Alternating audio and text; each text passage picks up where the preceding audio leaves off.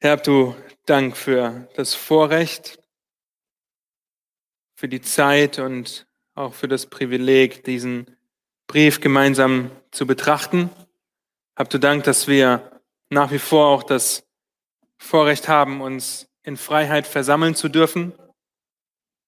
Herr, dass wir uns in Freiheit mit den Wahrheiten deines Wortes beschäftigen können. Und so bitte schenk du Gnade, wenn wir durch den Römerbrief gehen in den nächsten Wochen, dass du dadurch geehrt wirst, dass wir sehen, wie wunderbar deine Gerechtigkeit im Römerbrief zu tragen kommt und dass wir sehen, wie wunderbar dein Evangelium auch heute noch wirkt, Herr. Amen. Der Römerbrief ist das Meisterwerk von Paulus, wie es einige beschrieben haben. Er schreibt diesen Brief an die Geschwister in Rom, logisch, die er nicht kannte, nicht persönlich kannte. Ja, wir sehen tiefe theologische Wahrheiten, wir sehen die Aufforderung zur Anwendung. Und Ausleger und Autoren sagen über diesen Brief, Zitat, diese Epistel, sagt Luther, ist das rechte Hauptstück des Neuen Testaments. Sie kann nimmer zu viel und zu wohl gelesen oder betrachtet werden. Und je mehr sie gehandelt wird, je köstlicher sie wird und besser schmecket. Oder ein anderes Zitat. Über den Römerbrief haben alle, die ihn studiert und etwas von dessen Inhalt erfasst haben, nur in Superlativen geredet.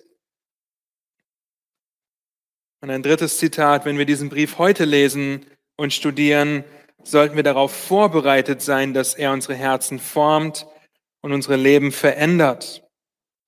Und so bereiten wir uns auf diese wahnsinnig faszinierende und wunderbare Reise durch diesen einzigartigen Brief vor und beginnen heute mit den ersten 17 Versen des Kapitels und reden über das Evangelium Gottes, was ihr gleich in Vers 1 seht, dass er ausgesondert ist für das Evangelium Gottes. Schlagt eure Bibeln auf, klickt sie auf, wie auch immer ihr das handhabt in Römer Kapitel 1 und achtet beim Lesen darauf, welche drei Gründe ihr feststellt, die die Freude an der Realität des Evangeliums zu unserem Verkündigungseifer anreizt oder wie sie das erzeugt.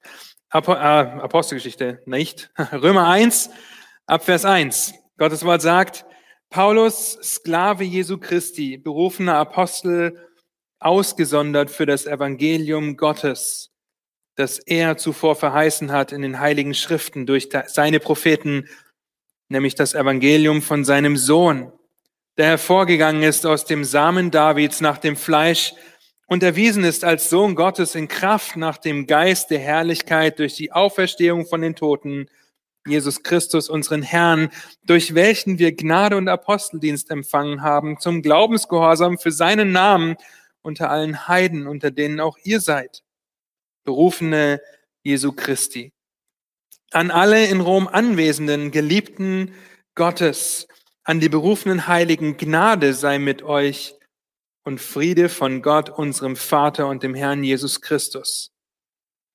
Zuerst danke ich meinem Gott durch Jesus Christus um eure aller Willen, weil euer Glaube in der ganzen Welt verkündigt wird. Denn Gott, dem ich in meinem Geist diene am Evangelium seines Sohnes, ist mein Zeuge, wie unablässig ich an euch gedenke, indem ich alle Zeit in meinen Gebeten flehe, ob es mir nicht endlich einmal durch den Willen Gottes gelingen möchte, zu euch zu kommen. Denn mich verlangt danach, euch zu sehen, um euch etwas geistliche Gnadengabe mitzuteilen, damit ihr gestärkt werdet. Das heißt aber, dass ich mitgetröstet werde unter euch durch den gegenseitigen Austausch eures und meines Glaubens. Ich will euch aber nicht verschweigen, Brüder, dass ich mir schon oftmals vorgenommen habe, zu euch zu kommen. Ich werde aber bis jetzt verhindert, um auch unter euch etwas Frucht zu wirken, gleich wie unter den übrigen Heiden. Ich bin ein Schuldner, sowohl den Griechen als auch den Barbaren, sowohl den Weisen als auch den Unverständigen. Darum bin ich bereit, so viel an mir liegt, oder mit allem Eifer, auch euch in Rom das Evangelium zu verkündigen. Denn ich schäme mich des Evangeliums von Christus nicht, denn es ist die Kraft Gottes, es ist Gottes Kraft zur Errettung für jeden, der glaubt, zuerst für den Juden, dann auch für den Griechen. Denn es wird darin geoffenbart, die Gerechtigkeit Gottes aus Glauben zum Glauben, wie geschrieben steht, der Gerechte wird aus Glauben leben. Bis hierher Gottes Wort. Wenn wir uns das Evangelium Gottes anschauen heute, dann sehen wir, wie Paulus sich selbst direkt in Vers 1 nennt. Sklave, berufener Apostel. Und wir stellen fest, dass die Freude der Realität des Evangeliums Gottes im eigenen Leben Verkündigungseifer erzeugt.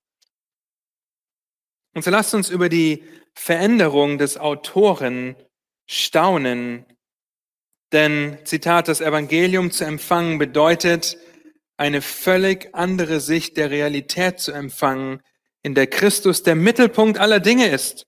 Er wird zum Zentrum unseres Universums, die Quelle, der Zweck, das Ziel und der Beweggrund für alles, was wir sind und tun. Paulus gibt sich in Römer 1 drei Titel. Sklave, in der Schlacht damit Knecht übersetzt, das griechische Wort Doulos. Dann sehen wir Apostel, und in Vers 14 sehen wir, dass er sich einen Schuldner nennt. Dass Paulus sich Sklave Christi nennt, ist ein absolut übernatürliches Wunder. Stell dir vor, du bekommst einen Brief von Paulus, den du nicht kennst. Paulus schreibt diesen Brief während seiner dritten Missionsreise aus Korinth um circa 56 nach Christus. Und wenn wir zurückgehen zur Entstehung der ersten Gemeinde in Apostelgeschichte 2, dann können wir Pi mal Daumen sagen, dass sich das so um 33, 34 nach Christus ereignet hat, je nach Zeitrechnung, wie sie entstand. Aber wer war Paulus, als die Gemeinde entstand? Wer war der erste vor Wut schnaubende Verfolger der Gemeinde, von dem wir lesen in Apostelgeschichte 7? Wir sehen, dass sie die Kleider einem Mann zu Füßen legten, der Saulus hieß, als Stephanus gesteinigt wurde. In Kapitel 8, Vers 1 der Apostelgeschichte sehen wir den Stellenwert, den Saulus hatte. Da heißt es, Saulus aber hatte seine Ermordung zugestimmt. Er musste irgendetwas dazu beigetragen haben und etwas zu sagen gehabt haben. Und an jenem Tag erhob sich eine große Verfolgung gegen die Gemeinde Jerusalems. Zwei Verse weiter, in 8 Vers 3 heißt es, Saulus aber verwüstete die Gemeinde, drang überall in die Häuser ein, schleppte Männer und Frauen fort und brachte sie ins Gefängnis. In Kapitel 9 lesen wir von der wunderbaren Bekehrung von Paulus, wie Jesus ihm auf der Straße nach Damaskus begegnet. Aber die Absicht, warum er nach Damaskus ging, lesen wir in Kapitel 9, Vers 1. Saulus aber der noch Drohung und Mord schnaubte gegen die Jünger des Herrn, ging zum hohen Priester. Er war ein Mann, der Christen gehasst hat, der sie verfolgt hat, ins Gefängnis geschmissen und getötet hat, wenn er Drohung und Mord schnaubte. Hier war ein Mann, der in allem gelehrt wurde, was das Alte Testament hergibt, wir lesen in Apostelgeschichte 22, in Galater 1 und auch in Philippa 3 von seinem einzigartigen Werdegang, wie er ein Eiferer für das Gesetz war, von Gamalien unterrichtet und das war ein Name in der damaligen Zeit. Er war in den Schriften des Alten Testaments zu Hause. Dieser Mann ist es, der von Saulus zu Paulus wird, weil Christus selbst ihm die Augen für sein Wort öffnen. Und jetzt eine Frage an euch. Was ist besser, als einen Gelehrten im Alten Testament zu haben? Was kann besser sein, als einen Gelehrten im Alten Testament zu haben? Nun, die Antwort ist einfach, einen geretteten Gelehrten im Alten Testament zu haben. Einen, der erkennt, dass alles auf Christus hinweist und der Christus als sein Herrn und Retter annimmt. Und dass ein so vortrefflich gelehrter Jude den Messias annimmt, ist unglaublich.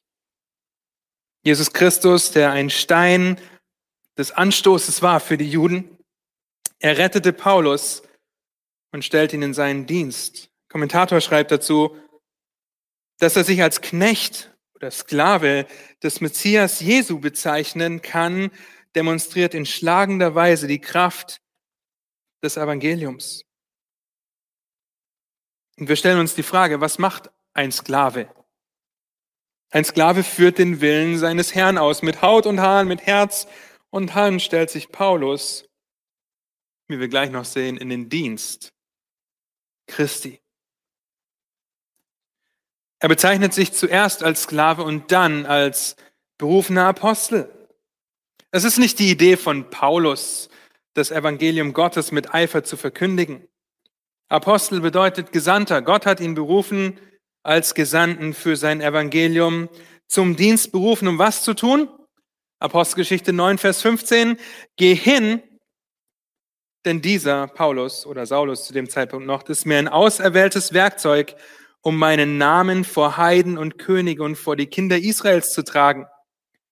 Denn ich werde ihm zeigen, wie viel er leiden muss, um meines Namens willen. Die Berufung des Paulus zum Dienst, zum Leidensapostel berufen von Anfang an. Es war nicht die Idee von Paulus, berufener Apostel zu sein. Und als drittes, wenn ihr weiterlest, bezeichnet er sich als Schuldner in Vers 14. Jemand, der eine Verpflichtung hat. Jemand, der eine Verpflichtung hat, eine Schuld zu begleichen. Und wenn wir das hören von einem Schuldner, der Paulus ist, dann fällt uns vielleicht das Gleichnis vom Schalksknechten ein aus Matthäus 18, wo wir sehen, wie dem Knecht alles vergeben wurde von seinem König. Paulus wurde alles vergeben. Deshalb steht er in der Schuld dessen, der ihm vergeben hat und ist ein Schuldner das Evangelium zu verkünden, sowohl Griechen als auch Barbaren, sowohl Weisen als auch Unverständigen. Er hat Drohung und Mord geschnaubt und die Gemeinde Gottes verfolgt und wurde letztendlich selber zum Verfolgten. Er steht in der Schuld, jedem das Evangelium mit Eifer zu verkündigen, weil er selbst vom Evangelium Gottes ergriffen wurde. Aber es wird noch faszinierender. Wir sehen in den ersten Versen den Auftrag, den er hat. Er ist abgesondert für das Evangelium Gottes. Und in den folgenden Versen ab Vers 2 sehen wir den Inhalt des Evangeliums, für das er so eifert. Und hier können wir staunen. Wir haben nicht die Zeit, durch alles im Detail zu gehen, aber wir können staunen, wie der Gelehrte im Alten Testament nicht nur die Abstammung Jesu und damit seine Menschlichkeit aufzeigt, sondern auch die Göttlichkeit und die damit verbundene Gnade, zum Glaubensgehorsam befreit zu sein. Paulus, der jahrelang das Alte Testament studierte, in dem es mindestens 332 Prophetien gibt, die auf Christus hindeuten, von denen die meisten bei Christi erstem Kommen erfüllt wurden. Aber nur durch Gottes Gnade konnte er es verstehen und sehen, wie alles auf Christus hindeutete. Paulus zeigt auf, dass das Evangelium Gottes von Anfang an verheißen war. Von Anfang an. Und er hat es selbst nicht erkannt, als er noch Saulus war. Und wir haben das gehört, auch von Daniel in 1. Mose Kapitel 3, in Vers 15, wo wir das erste Mal sehen, dass ein Retter verheißen wird, der der Schlange den Kopf zertritt. Und ab da sehen wir permanent, wie die Menschheit einen Retter benötigt, wie der Retter verheißen wird und wie er letztendlich kommt, um für unsere Sünde am Kreuz zu sterben. Und hier knüpft das an an unsere letzte Serie, die Evangelisation rein oder gefälschter Wirkstoff.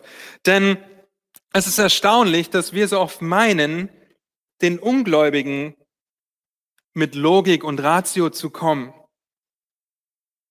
und nicht mit der Argumentation der Schrift. Wenn ein Paulus nur durch Gottes Gnade in seinem Leben erkennt, wie viel mehr unsere Freunde, wie viel mehr unsere Bekannte, wie viel mehr unsere Verwandten, verkündige ihnen das Evangelium. Ja, definitiv. Aber flehe Gott an, dass er zieht, dass er die Augen öffnet, dass er den Unverständigen weise und den Toten lebendig macht, indem wir ihnen den Ratschluss Gottes verkünden und nicht zu sehr an ihre Ratio, an ihren Verstand, an ihre Logik appellieren, denn wie wir die nächsten Mal noch feststellen werden, ist das dem absoluten Verfall unterworfen.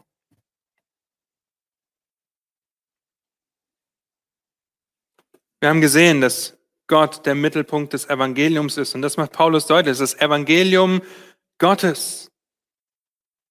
Aber wie können wir vielleicht noch besser verstehen, dass Jesus hier, äh, dass Paulus hier die Gottheit und die Menschheit Jesu hochhält?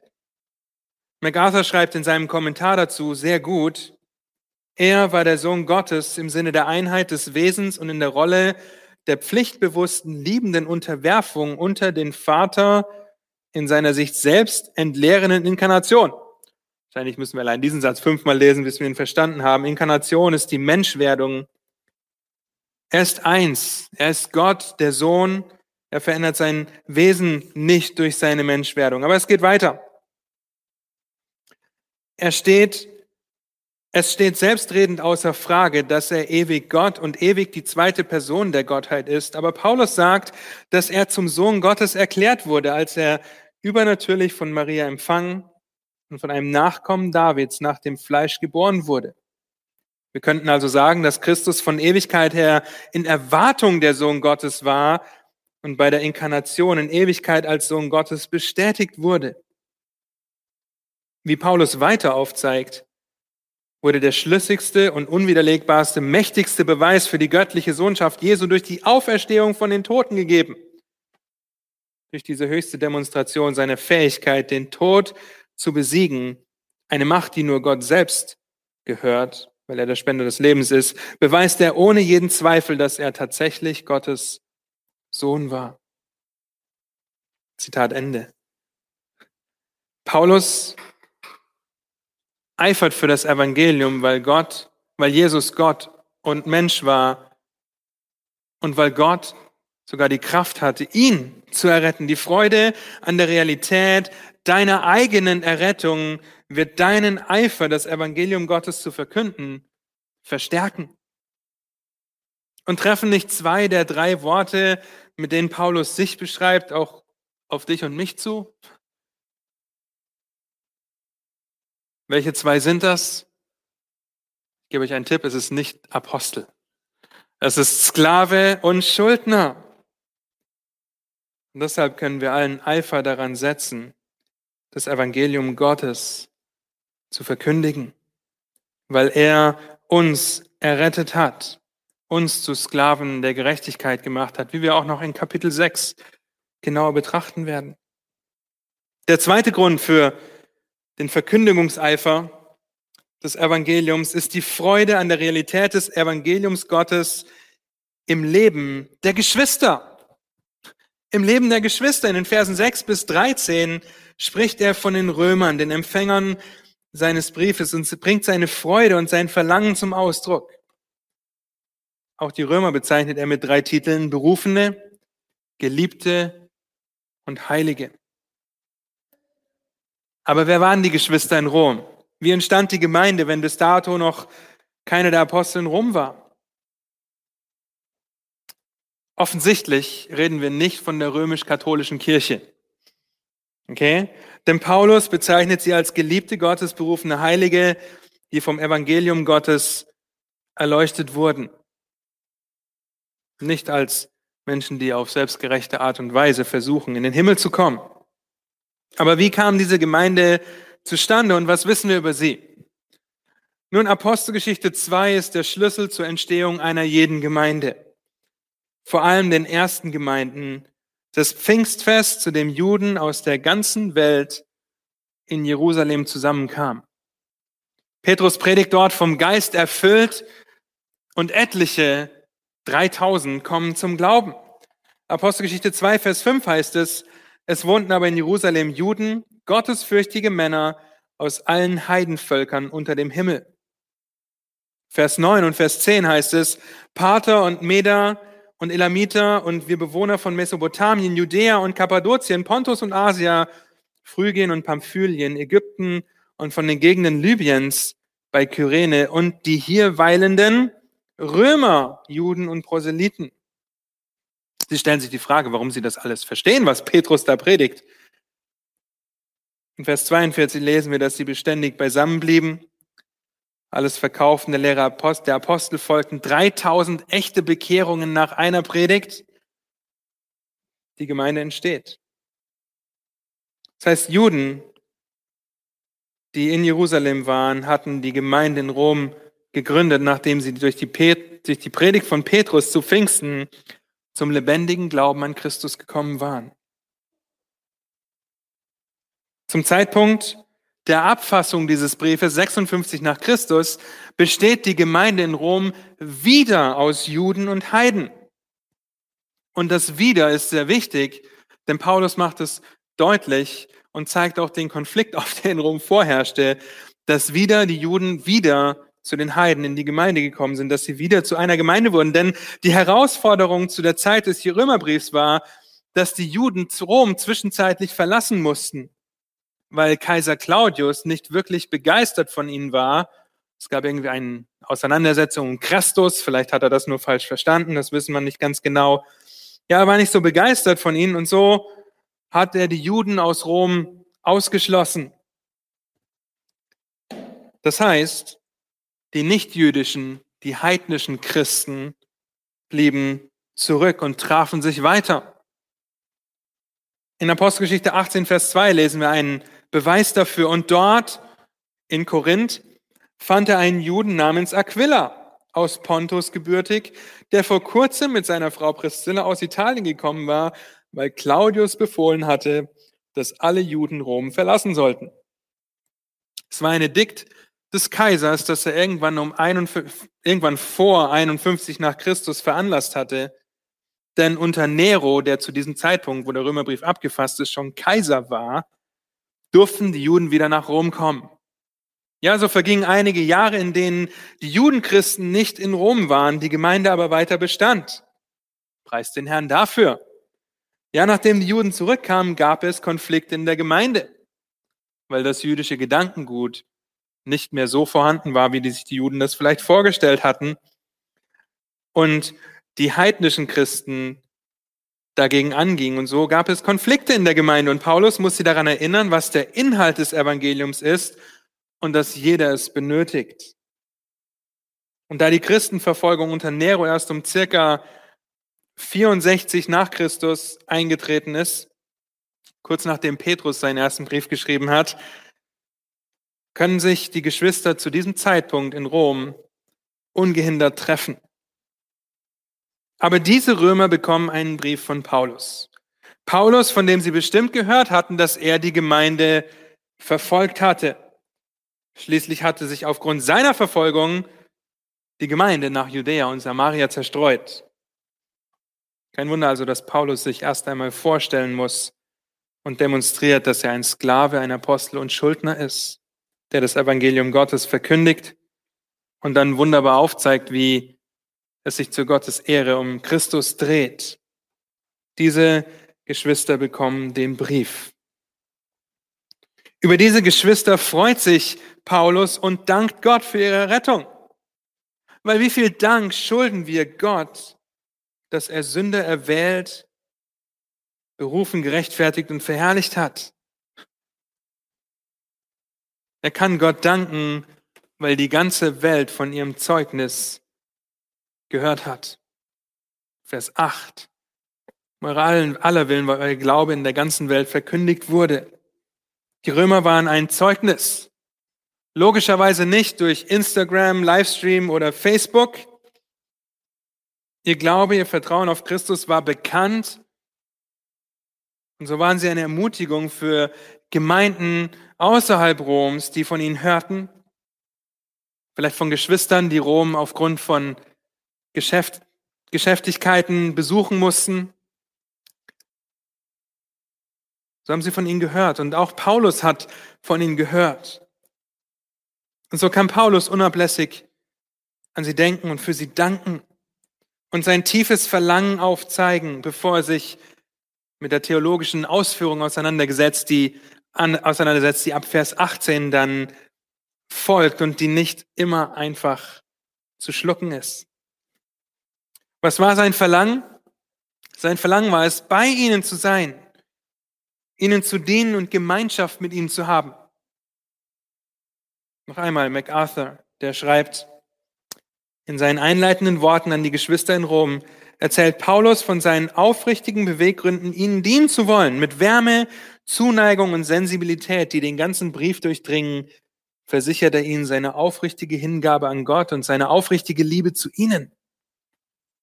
Obwohl Paulus die Gemeinde in Rom nicht persönlich gegründet oder gar besucht hatte, trug er die von Herzen kommende Leidenschaft Christi für ihr geistliches Wohlergehen und den eifrigen Wunsch in sich, eine geistliche und persönliche Freundschaft zu ihnen zu entwickeln.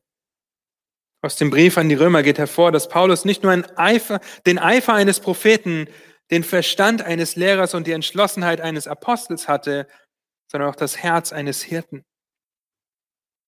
Zitat Ende. Und wir erinnern uns an die Worte aus der Apostelgeschichte, wenn er mit den Geschwistern in Ephesus spricht und unter Tränen sie ermahnt als ein Hirte. Und es geht hier nicht darum, wie man meinen könnte, dass die Römer den Heiligen Geist bekommen sollten, wenn er sagt, etwas geistliche Gnadengabe mitteilen oder wenn er sagt, dass er unter ihnen etwas Frucht wirken will. Vielmehr wollte Paulus ihnen mit der ihm verliehenen Gnadengabe dienen, sie stärken, sie ermutigen, sie zurüsten, aber damit nicht genug. Er wollte sie besuchen, damit er selbst auch getröstet wird. Vers 12, dass ich mitgetröstet werde unter euch durch den gegenseitigen Austausch eures und meines Glaubens. Paulus, der Apostel, der sich im Alten Testament auskennt wie in seiner Westentasche, ist demütig genug, um zu bekennen, dass er die Gemeinschaft der Heiligen nötig hat, um getröstet und auferbaut zu sein. Und wenn Paulus die Ermutigung durch die Geschwister sucht, wie viel mehr haben wir das heute nötig? Aber er wurde bis dahin immer wieder verhindert, zu ihnen zu kommen, um ihnen mit seinem pastoralen Herz zu dienen. Ein paar, ein paar Jahre später sollte er in Rom sein. Aber nicht um die Geschwister zu besuchen, ihr wisst das, sondern um im Gefängnis zu landen. Und hier die Frage an dich, an mich. Danken wir Gott für unsere Geschwister, weil wir sehen, wie das Evangelium in ihrem Leben gewirkt hat und am Wirken ist. Halten wir uns vor Augen, dass unsere Geschwister geliebte, berufene, heilige Kinder Gottes sind, weil Gott sie errettet hat? Oder ärgern wir uns über ihren Mangel an Geistlichkeit, überheben uns über sie und sind undankbar für die Geschwister, die Gott uns an die Seite gestellt hat. Wenn das so ist, wenn du dich aufregst über deine Geschwister, wie willst du für das Evangelium Gottes eifern, wenn du nicht begeistert und dankbar auf das blickst, was Gott im Leben deiner Geschwister tut, damit du ihnen und sie dir eine Ermutigung sein dürfen, ein Ansporn, ein Trost. Deshalb Lasst uns das tun, wie Paulus uns für uns gegenseitig danken. Ihr seid meine Geschwister der Bibelgemeinde Berlin. Und ich möchte von Herzen sagen, ich danke Gott für jeden einzelnen von euch. Ich danke Gott für das unglaubliche Werk seiner Errettung in deinem, in deinem Leben. Wenn wir das tun, werden wir für das Evangelium eifern weil wir noch mehr berufene, heilige und geliebte Kinder Gottes als Geschwister haben wollen. Wir werden das Evangelium verkündigen mit unseren Worten, mit unseren Taten, um von Gott als Werkzeug gebraucht zu werden, um noch mehr Geschwister zu seiner Familie hinzuzufügen. Freude an der Realität des Evangeliums Gottes im eigenen Leben und im Leben der Geschwister erzeugt Eifer. Aber jetzt kommen wir zu den Versen, an denen einen, einer Martin Luther überführt hat. Zu dem Herzstück des Römerbriefs, weil er aufzeigt, was der Inhalt des Evangeliums ist, von dem Paulus dann noch weiter spricht. Verse 15 bis 17. Ein Autor schreibt darüber, über den Eifer, Zitat, nicht nur die Ungläubigen müssen das Evangelium hören, sondern auch die Heiligen, an die Paulus diesen Brief schreibt. Auch sie haben es nötig, im Evangelium unterwiesen zu werden, denn das Evangelium ist das von Gott verordnete Mittel, das sie befestigt. Das heißt, die gute Botschaft Gottes, beziehungsweise Christi, wie wir in Vers 16 sehen, das Evangelium von Christus, ist viel mehr als ein Ticket in den Himmel. Es ist das Mittel, das uns in der Heiligung wachsen lässt. Deshalb können wir drittens für das Evangelium Gottes eifern, weil wir uns über die Realität desselben freuen, weil es Kraft hat an sich. Wir freuen uns über die Realität des Evangeliums an sich. Wir lesen, es ist Gottes Kraft zur Errettung. Glauben wir daran, dass es die Kraft zur Errettung ist, einzig im Evangelium Gottes zu finden? Wenn ja, dann werden wir für das Evangelium eifern. Das ist das, was Paulus schreibt in Vers 15. So viel an mir liegt, schreibt er mit anderen Worten, ich setze allen Eifer daran. Ich bin voller Freude bereit und willig, alles daran zu setzen, das Evangelium zu verkündigen.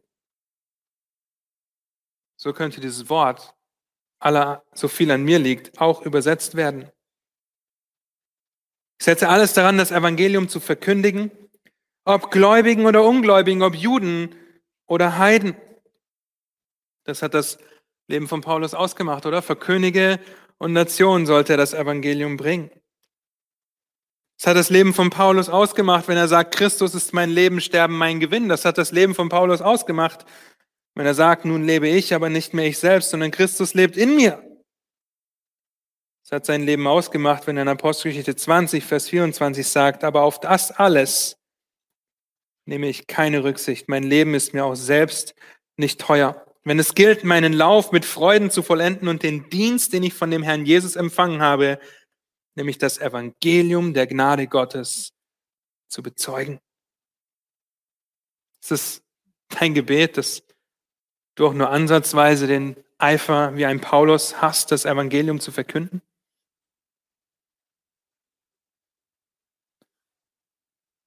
In seinem Buch A Gospel Primer schreibt Milton Vincent darüber Zitat, wenn mein Denken auf das Evangelium ausgerichtet ist, habe ich mehr als genug Ansporn, anderen Menschen Gottes Liebe zu zeigen. Denn ich bin immer bereit, andere zu lieben, wenn mir gerade wieder bewusst geworden ist, welche große Liebe Gott mir erwiesen hat. Zudem gibt mir das Evangelium alles, was ich brauche, um denen, die gegen mich gesündigt haben, mit vergebender Gnade zu begegnen. Das, denn es erinnert mich täglich an die vergebende Gnade, mit der Gott mir begegnet ist. Je mehr ich das Evangelium erlebe, desto mehr entwickelt sich in meiner, in mir eine sehnsüchtige Zuneigung gegenüber meinen Geschwistern, die auch Teilhaber an der Herrlichkeit des Evangeliums sind. Diese Zuneigung ist gepaart mit der Zuversicht, dass sie kontinuierlich geistlich wachsen und letztendlich auch verherrlicht werden. Und ich freue mich, sie mit meiner Zuversicht über das fortwährende Werk Gottes in ihrem Leben zu ermutigen. Eiferst du für das Evangelium? Spornt dich das an, für das Evangelium zu eifern, wenn du darüber nachdenkst, was in deinem Leben und im Leben der Geschwister tut? Ich hoffe das. In Vers 16 bezieht sich Paulus, bezeichnet Paulus das Evangelium als das Evangelium Christi. Es ist Gottes Kraft zur Errettung für jeden, der glaubt. Noch einmal aus dem Buch Gospel Primer. Zitat, und das ist sehr wichtig. Außerhalb des Himmels ist die Kraft Gottes in ihrer höchsten Dichte im Evangelium zu finden. Das muss auch so sein, denn die Bibel beschreibt das Evangelium zweimal als die Kraft Gottes. Nichts anderes in der ganzen Schrift wird jemals so bezeichnet, außer die Person Jesu Christi. Diese Bezeichnung weist darauf hin, dass das Evangelium nicht nur Kraft hat, sondern dass es die ultimative Einheit ist, in der die Kraft Gottes liegt und in der sie ihr größtes Werk tut. Gottes Kraft kann durch ausbrechende Vulkane in der unvorstellbar hohen Temperatur unserer riesigen Sonne und der Lichtgeschwindigkeit eines kürzlich entdeckten Sterns, der mit 2,4 Millionen Kilometer pro Stunde durch den Himmel rast, wahrgenommen werden. Dennoch werden solche Wunder in der Schrift niemals mit Kraft Gottes bezeichnet. Wie kraftvoll muss dann das Evangelium sein, dass es solch einen Titel verdient? Und wie groß wäre die Auswirkung meiner Rettung in meinem Leben, wenn ich das Evangelium im Glauben ergreifen würde und in jedem Tag den zentralen Platz in meinen Gedanken gäbe. Zitat Ende. Es gibt nichts Kraftvolleres als das Evangelium. Und wenn uns das bewusst ist, dass es nichts Kraftvolleres gibt als das Evangelium, denn das Evangelium hat die Kraft zu erretten, dann eifern wir umso mehr dafür. Zuerst den Juden, dann den Heiden. Aber jeder, der glaubt, wird errettet. Die Frage ist, schämst du dich? Schämst du dich, es zu verkünden? Und Paulus schreibt, ich schäme mich des Evangeliums Gottes nicht. Und menschlich gesehen gibt es viele Gründe, sich des Evangeliums zu schämen, am Evangelium Anstoß zu nehmen, denn wir sind solche geistlichen Versager, dass wir nur und einzig allein durch die Gnade, das unverdiente Geschenk Gottes errettet werden können. Das stößt den Menschen heute auf, weil sie das nicht hören wollen. Wir sind zu stolz, der Mensch ist zu stolz, das einzusehen. Wir sind sogar so verdorben und schlecht, dass Jesus Christus stellvertretend für uns sterben musste, damit wir gerecht werden. Das widerspricht dem Denken, dass der Mensch gut ist. Und wir haben keine Wahl, wie wir errettet werden wollen. Meine Lieben, das stößt heute auf, weil der Mensch sich danach sehnt, nach seiner eigenen Art und Weise zu versuchen, in völliger Unabhängigkeit zu Gott zu kommen. Und es stößt auf, weil Christus zu folgen bedeutet, seine Leiden zu teilen. Das stößt auf, weil wir in einer bequemen Welt und Zeit leben. Paul Washer schreibt, das christliche Evangelium ist für den Menschen und seine Kultur ein Skandal, weil es genau das tut, was er am allermeisten verhindern will. Es reißt ihn aus seinem selbstverschuldeten Schlaf und lässt ihn die Realität seines gefallenen und rebellischen Zustandes erkennen. Und es fordert ihn auf, die Autonomie aufzugeben und sich Gott durch Buße und Glauben an Jesus Christus zu unterwerfen. Schämst du dich des Evangeliums? Weil du genau weißt, dass es deinen Arbeitskollegen, deinen Familienmitgliedern, deinen Nachbarn oder anderen bitter aufstößt, wenn du es in, klar, in aller Klarheit verkündigst, dass es eventuell zu einem Beziehungsbruch führt? Wascher schreibt weiter, die Gemeinde braucht Menschen, die sich vor die gegnerischen Massen stellen, ohne etwas außer dem Evangelium in der Hand, das ihnen hilft und sie verteidigt und dem Gott, der versprochen hat, dadurch zu wirken. Schäme dich des Evangeliums nicht. Ich bete, dass wir und ihr, die zuschaut, zu solchen Männern und Frauen werden, die mit Eifer das Evangelium verkündigen, ohne sich dabei zu schämen, weil im Evangelium die Kraft Gottes zur Errettung zu finden ist. In Vers 17 sehen wir, dass der Mensch die Gerechtigkeit Gottes nur durch Glauben zugesprochen bekommt. Das ist ein alttestamentliches Konzept. In Jesaja 61 lesen wir von der Wiederherstellung Jerusalems und wir haben das vorhin erst als äh, Älteste uns angeschaut und darüber gestaunt. Da heißt es in Jesaja 61 in Vers 10, ich freue mich sehr in Jahwe und meine Seele ist fröhlich in meinem Gott, denn er hat mir Kleider des Heils angezogen, mit dem Mantel der Gerechtigkeit mich bekleidet wie ein Bräutigam sich den priesterlichen Kopfschmuck anlegt und wie, die, wie eine Braut sich mit ihrem Geschmeide schmückt. Lieben, die Gerechtigkeit Gottes können wir nicht selber erlangen. Wir können nicht gerecht werden. Gott muss uns diese Gerechtigkeit zusprechen. Er muss das tun. Und er tut das durch das Evangelium. Wenn wir daran glauben, weil es die Kraft hat zur Errettung, weil es die Kraft hat, uns vor einem gerechten und heiligen Gott stehen zu lassen, der uns in Gerechtigkeit kleidet. Wir werden dieses Konzept noch mehr in Kapitel 3 betrachten. Nur durch Glauben, selbst im Alten Testament. Paulus zitiert am Ende hier, der Gerechte wird aus Glauben leben. Habakuk 2, Vers 4 und zeigt auf, dass es kein Hinzutun gibt, kein Hinzutun gab selbst der Glaube kommt von Gott. Aus Glauben zum Glauben, wie geschrieben steht, der Gerechte wird aus Glauben leben. Die Gerechtigkeit Gottes wird offenbar im Evangelium und uns zugesprochen im Evangelium. Nicht nur, dass wir den Gott sehen, der absolut gerecht ist, weil wir uns anhand der Schrift, weil uns die Schrift überführt, wie wir in den nächsten Kapiteln sehen wollen, werden, sondern weil er uns gerecht erklärt, wenn wir dem Evangelium glauben. Die Kraft des Evangeliums wird in seiner Fähigkeit sichtbar, Herzen, Gedanken, Lebensziele, die Interpretation deiner Lebensumstände, deine Beziehungen und so weiter zu verändern. Aber nicht nur das.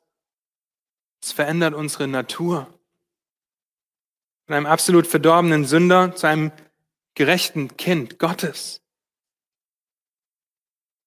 Meine Lieben, ich habe diesen letzten Punkt, diesen dritten Punkt ausgearbeitet an demselben Tag, an dem wir die Nachricht bekommen haben, dass unsere Nachbarin gestorben ist. Eine Frau Mitte 60, der es nicht gut ging, die sich schlafen gelegt hat und nicht wieder aufgewacht ist. Eine Frau Mitte 60, mit der wir über die letzten Jahre viele Gespräche über das Evangelium hatten. Deutliche Worte, die gefallen sind. Und sie hat es abgelehnt. Wir haben ihr das Evangelium klar verkündigt. Aber wie sieht es mit unseren anderen Nachbarn aus? Wie sieht es mit deinen Arbeitskollegen aus? die jahrelang neben dir sitzen, neben dir stehen, mit dir arbeiten und eines Tages nicht mehr zur Arbeit kommen. Aus welchem Grund auch immer. Hat dieser Arbeitskollege, diese Arbeitskollegin das Evangelium Gottes aus deinem Mund gehört, weil du davon überzeugt bist, dass es die Kraft hat zur Errettung? Oder die gestresste alleinerziehende Mama im Treppenhaus, die du jeden Morgen siehst, wenn du mit deinen Kindern das Haus verlässt. Auf einmal ist sie nicht mehr da. Kannst du sagen, du hast dir das Evangelium Gottes verkündigt? Meine Lieben, es geht dabei nicht um die Reaktion der Person, die dir zuhört, dem Evangelium zu glauben oder nicht. Es geht um deine und meine Verantwortung, um deine und meinen Eifer, das Evangelium Gottes zu verkündigen, uns dessen nicht zu schämen, weil es die Kraft hat, zu erretten. Eifere für das, was wirklich zählt. Und das ist die Ewigkeit, die damit zusammenhängt, ob jemand der Kraft des Evangeliums glaubt oder nicht. Eifere für das Evangelium. Lass mich beten. Treuer Gott und Vater, habt du Dank für dein Evangelium. Habt du Dank, dass es die Kraft hat zur Errettung, dass wir das so wunderbar sehen dürfen im Leben von Paulus, im Leben der Geschwister in Rom, aber in unserem eigenen Leben und im Leben unserer Geschwister, dass du etwas Neues machst, dass du uns mit deiner Gerechtigkeit überkleidest, damit wir juristisch rein, schuldlos vor dir stehen, weil dein Zorn über die Sünde auf deinem Sohn lag, auf dem Christus, der für uns am Kreuz gestorben ist. Ich bete, dass wir eifern für dein Evangelium, dass du uns Freimütigkeit gibst, dass du uns Freude gibst, dass du uns in den nächsten Tagen, in den nächsten Wochen Möglichkeiten schenkst, über dein Evangelium zu reden, es mit unserem Mund zu bekennen und diese Möglichkeiten auch wahrzunehmen, weil wir wissen und davon überzeugt sind, dass dein Evangelium das kraftvollste ist, was es gibt.